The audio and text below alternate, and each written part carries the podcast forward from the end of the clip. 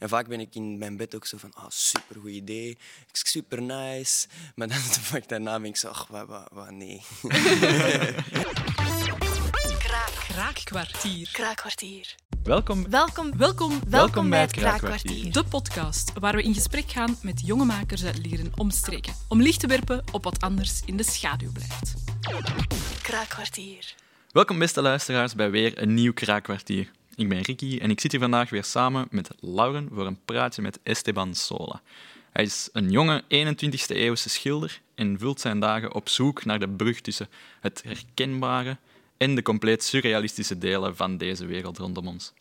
Eh, hey Esteban, Eh, hoe bent je daar voor het eerst eigenlijk mee in aanraking gekomen? Ehm, ja, het is een, eh, een lang traject op zich geweest. Eerst zat ik in, hier in Sint-Humaris College in Lier. Dus heel streng, heel dit. En dan ja, was ik er niet door. En dan ben ik naar de Steinerschool gegaan. En dan daar, van dat strenge naar dat heel creatieve en vrije ineens, is dat wel gewoon helemaal in ontwikkeling gekomen terug. Want daarvoor ging ik ook super creatief, maar dan met college was het allemaal weg een beetje. En dan is dat teruggekomen met de Steinerschool. En dan was ik zo, moest ik ineens kiezen wat ik ging doen. En dan was ik zo, ah, ik, ik wil naar Sint-Lucas gaan, ik wil iets met kunst doen, maar ik was helemaal nog niet ver of zo. Dus dan was ik niet door mijn toelatingsproef. En dan ben ik zo'n zevende jaar gaan doen. En daar hebben wij gewoon echt... Dat is echt een aanrader. Als je, als je iets met kunst wilt doen en je weet niet goed wat. Dan, eh, en daar hebben we echt gewoon alle mogelijkheden gekregen voor eh, te experimenteren met elk soort materiaal en zo. En dan was schilderen uiteindelijk het enigste waar ik echt zo van was van oké, deze wil ik echt heel graag doen. Dus eh, eigenlijk, dat is eigenlijk het simpele traject van hoe dat ik daar ben aan toegekomen. Als je stijl zou moeten beschrijven met een bijvoeglijk naamwoord en een gerecht, bijvoorbeeld een ja, ja. bruisende tiramisu, hoe zou je dat dan oké, oké, noemen? ja, oké. oef. Eh, vibrerend is dan een bijvoeglijke naamwoord, zou ik zeggen. Vibrerend en dan eh, gerecht is lasagne, omdat er veel laagjes. Ja, het is de vibrerende lasagne. Ja, de vibrerende lasagne, ik zal het zo zeggen. Ja, het vibrerende, omdat ik weet ik vind dat zo... Er, er moet zo een soort van swing en energie in zitten en zo, maar ik vind dat zo... Allee, ik doe dat niet per se met dynamische schilderlijnen of zo, maar dan moet je zo... Allee, ik weet niet, ja, het is niet dat dat zo beweegt of zo, maar het is dat...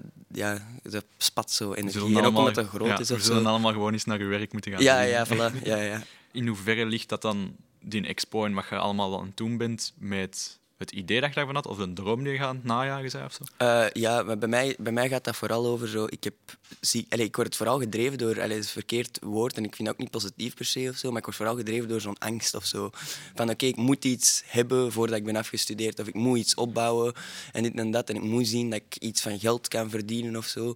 Of, eh, en of dat ik ja, met mijn werk naar buiten nu al kom voordat te laat is of zo. En vanuit die angst komt dat ook heel hard bij mij dat ik nu moet iets doen en zo. Dus. eh, Maar dus jij, channelt eigenlijk de maatschappelijke druk in ehm, de gedrevenheid om te schilderen en om te werken. Eigenlijk, ja, dat is een goede beschrijving. Dat is inderdaad eigenlijk waar. Ik, zeg, ik, ik zet dat zo om, inderdaad, in plaats van daar stress van te krijgen. En, Hoe zou je zo je creatieproces dan beschrijven? Als je nu aan een werk gaat beginnen, Eh, ja, dat is een goede vraag, want nu met corona ben, is eigenlijk heel blootgesteld geweest. Omdat, normaal gezien, ik, ik werk echt zo met dat onderbewuste. Dus gewoon zo die constante cyclus van oké, ik maak hier nu iets mee.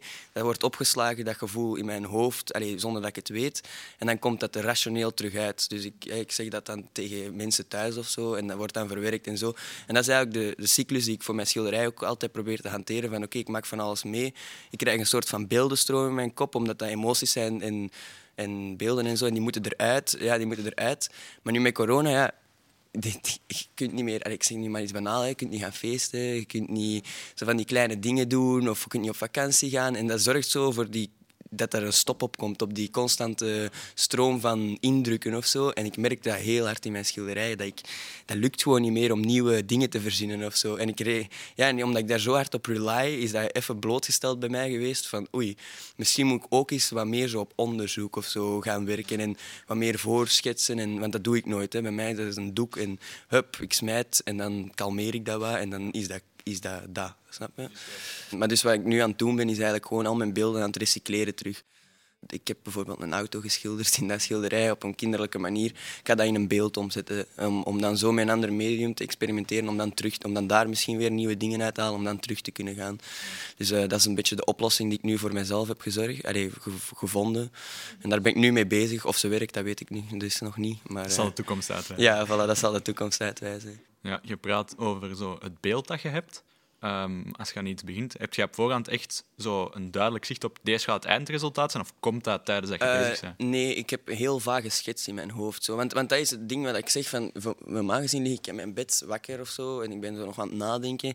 En ineens, voem, hup, ben ik zo... Ah, dat is echt iets nice. Ja, dat, dat wil ik doen. En dat is dan heel vaag iets, snap je? Dat is allemaal gewoon een zwarte vlek of zo in mijn hoofd. Maar ik weet wel ongeveer waar ik naartoe wil.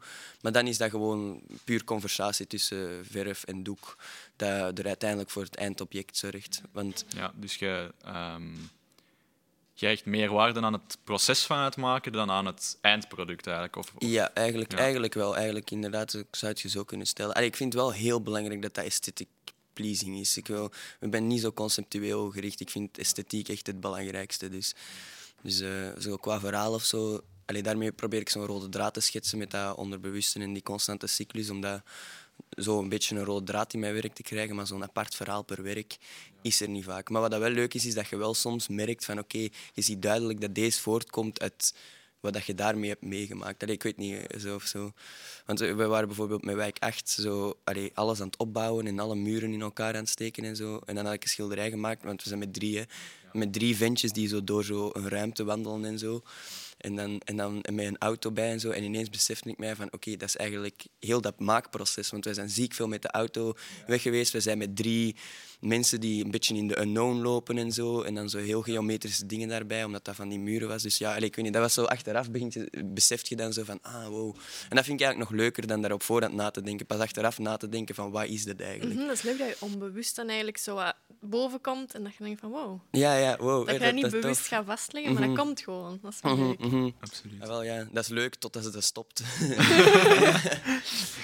Eh, je sprak daar net over eh, wijk 8. Dat Ja, is ja. dus de collectief of zo. Dat... Eh, ja, collectief wil ik dat ook niet echt noemen. Nee, ook, ja. ook, ook niet echt een galerij, maar het zit daar zo wat tussenin. Wat eh, onze bedoeling daarmee is, want wij voelen die noodzaak ook. Hè. Dus we hebben een atelier gehuurd en zo.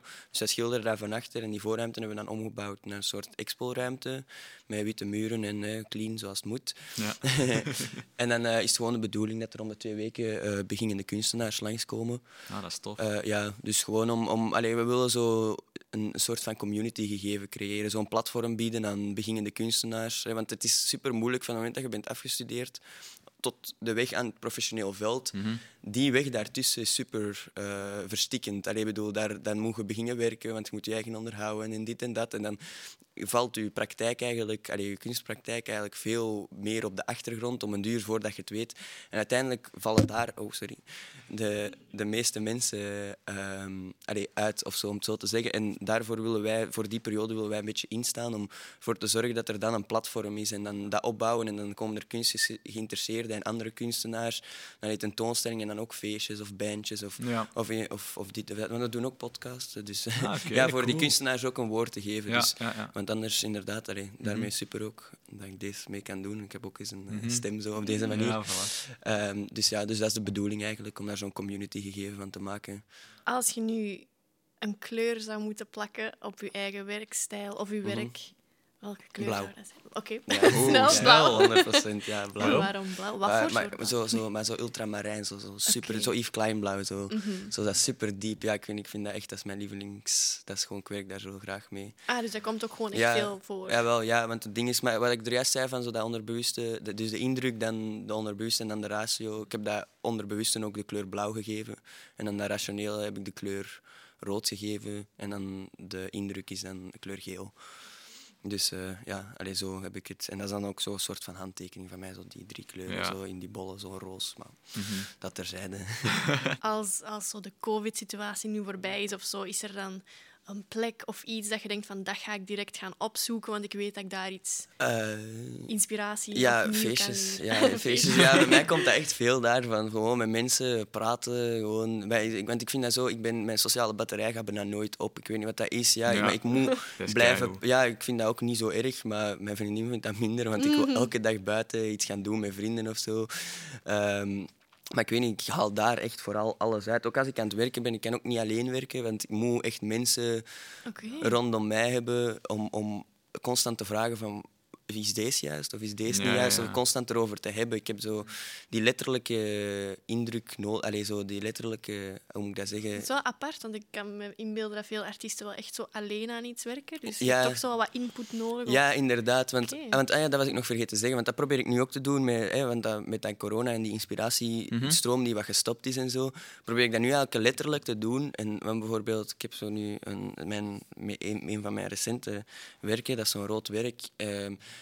maar eigenlijk heb ik de helft mezelf geschilderd. Want mijn collegevrienden hè, van vroeger dan, maar die doen allemaal handelsingenieur en zo. Dus die zijn Ja. helemaal niet familiar met tekenen of met hoe dat een schilderij of zo in elkaar zit. Maar dat is juist de kracht daaraan, want die hebben juist dat onderbewuste en dat pure stroom van oké, we doen maar gewoon wat. Hebben die nog? En ik heb die gewoon op een doek laten schilderen en dan heb ik dat gewoon gekalmeerd en de mooie elementen eruit gehaald. En dat, en dat is iets super nice geworden. En ik heb ook zoiets van, dat is eigenlijk de letterlijke invulling van wat ik er juist aan het zeggen was, van dat ratio, onderbewuste en zo, omdat dat letterlijk, die smijten hun indruk, allee, de indruk erop. En ik moet daar dan maar gewoon filteren. En dus, dat, is, allee, ik weet niet, dat heeft mij ook al veel geholpen. Dat heb ik nu met twee werken ook al gedaan. Van, en dat heeft wel echt al veel Ja, het is altijd wel een soort van samenwerking. Ja, Op een of ander level Ah, wel, ja. komt dat terug. Mhm, maar dat vind ik ook, het, ah, wel, om daarmee zeg ik zo dat community gegeven en zo, dat is een van de belangrijkste dingen voor mij in kunst ook. Want allee, hij op een bepaalde manier eh, perfectioneert dat de maatschappij. Allee, ik weet niet hoe ik dat moet zeggen, ja, want ja, ja. ook bij die Esperiewinkel die staat dan leeg of zo, maar doordat dan kunst bestaat, kan die. Eh, kan die winkel weer opgevuld zijn door, door kunst? En moest dat niet bestaan, ja, wat zou er met dat pand gebeuren? Dat, dat wordt afgetakeld. Mhm. Er komen misschien, allee, ik weet niet, eh, mensen in die er niet in moeten zitten of zo. Allee, ja, niet dat dat voor mij een probleem is, maar eh, je snapt wat ik bedoel. Hè. En dan, dus daarmee vind ik dat zo'n soort van afwerking van de maatschappij of zo, op een bepaalde manier. Eh, ja, we moeten bijna afronden. Dus Uh-huh. We, we hebben zo wat, zo wat Spitfire questions. Ja, noemen doen Dus we. kei snel, gewoon het eerste dat je nu Oké, opkomt. is goed. Als je een tijdmachine had, zou je dan naar de toekomst of naar het verleden gaan? Verleden. Oké, wat zijn drie dingen die je elke dag doet? Eh, roken. Ehm, slaap. Nee, dat is een beetje saai. Hè? Eh, nee, ehm, veel YouTube kijken per ongeluk. Dat is echt slecht. Dus dat zijn echt zo dingen, dat zijn twee dingen die ik echt elke dag moet doen bijna. Mhm. Ehm, en eh, mijn vriendin een kus geven. Ah. Mooi. Eh, Wacht, is dat mij? Oké, ja. Ja. Over de top toeters en bellen of simplistisch? Eh, over de top toeters en bellen, zo druk mogelijk. ja, ja, Ja. ja, heel veel impulsen. en- Ja, ja, nodig, constant. ja. En Aha. dan vandaar minder. Ehm, als je je, je jongere zelf een advies zou moeten geven of zo, wat zou je zeggen? En dat je niet zo hard moet stressen. We zijn bijna zo aan het einde van ons kraakkwartier, maar moest je nu zelf nog maar een kwartier te leven hebben, Mm. wat zou je dan doen? Oei, ja, ik denk dat ik... Allee, dat is heel fout waarschijnlijk, maar ik denk dat alle drugs van de wereld zou uittesten. Ja, ja, ik weet niet waarom, maar dan heb je dat, dat... Ik zou dat nu nooit doen, Ja, hè, maar als je die kans hebt, ja, waarom niet? Ik op weet die niet. moment mag het. Ja, op die moment mag het. Maar dan alleen natuurlijk eerst familie en vrienden dag zeggen. Hè, daar Ja, niet van, ja, hè, maar, maar gewoon puur voor mijn eigen. Dat zou ik doen. Ja, oké, goed. Bedankt voor de babbel. Eh, ik vond het heel Geen interessant. Ja, ja, top. Dank je voor de uitnodiging. Ik vind het ook wel eens leuk om te doen. Ik heb nog Ja, nooit ja, zo deftig eh, over zo serieus over dingen gepraat. Ja, ja, voilà. In zo'n Ja, ik context. vond het echt interessant. Dat was echt leuk. Oké, top. Dank je wel. Goed. Merci en ja, tot de volgende keer. Ja, tot de volgende keer. Tada. Dag.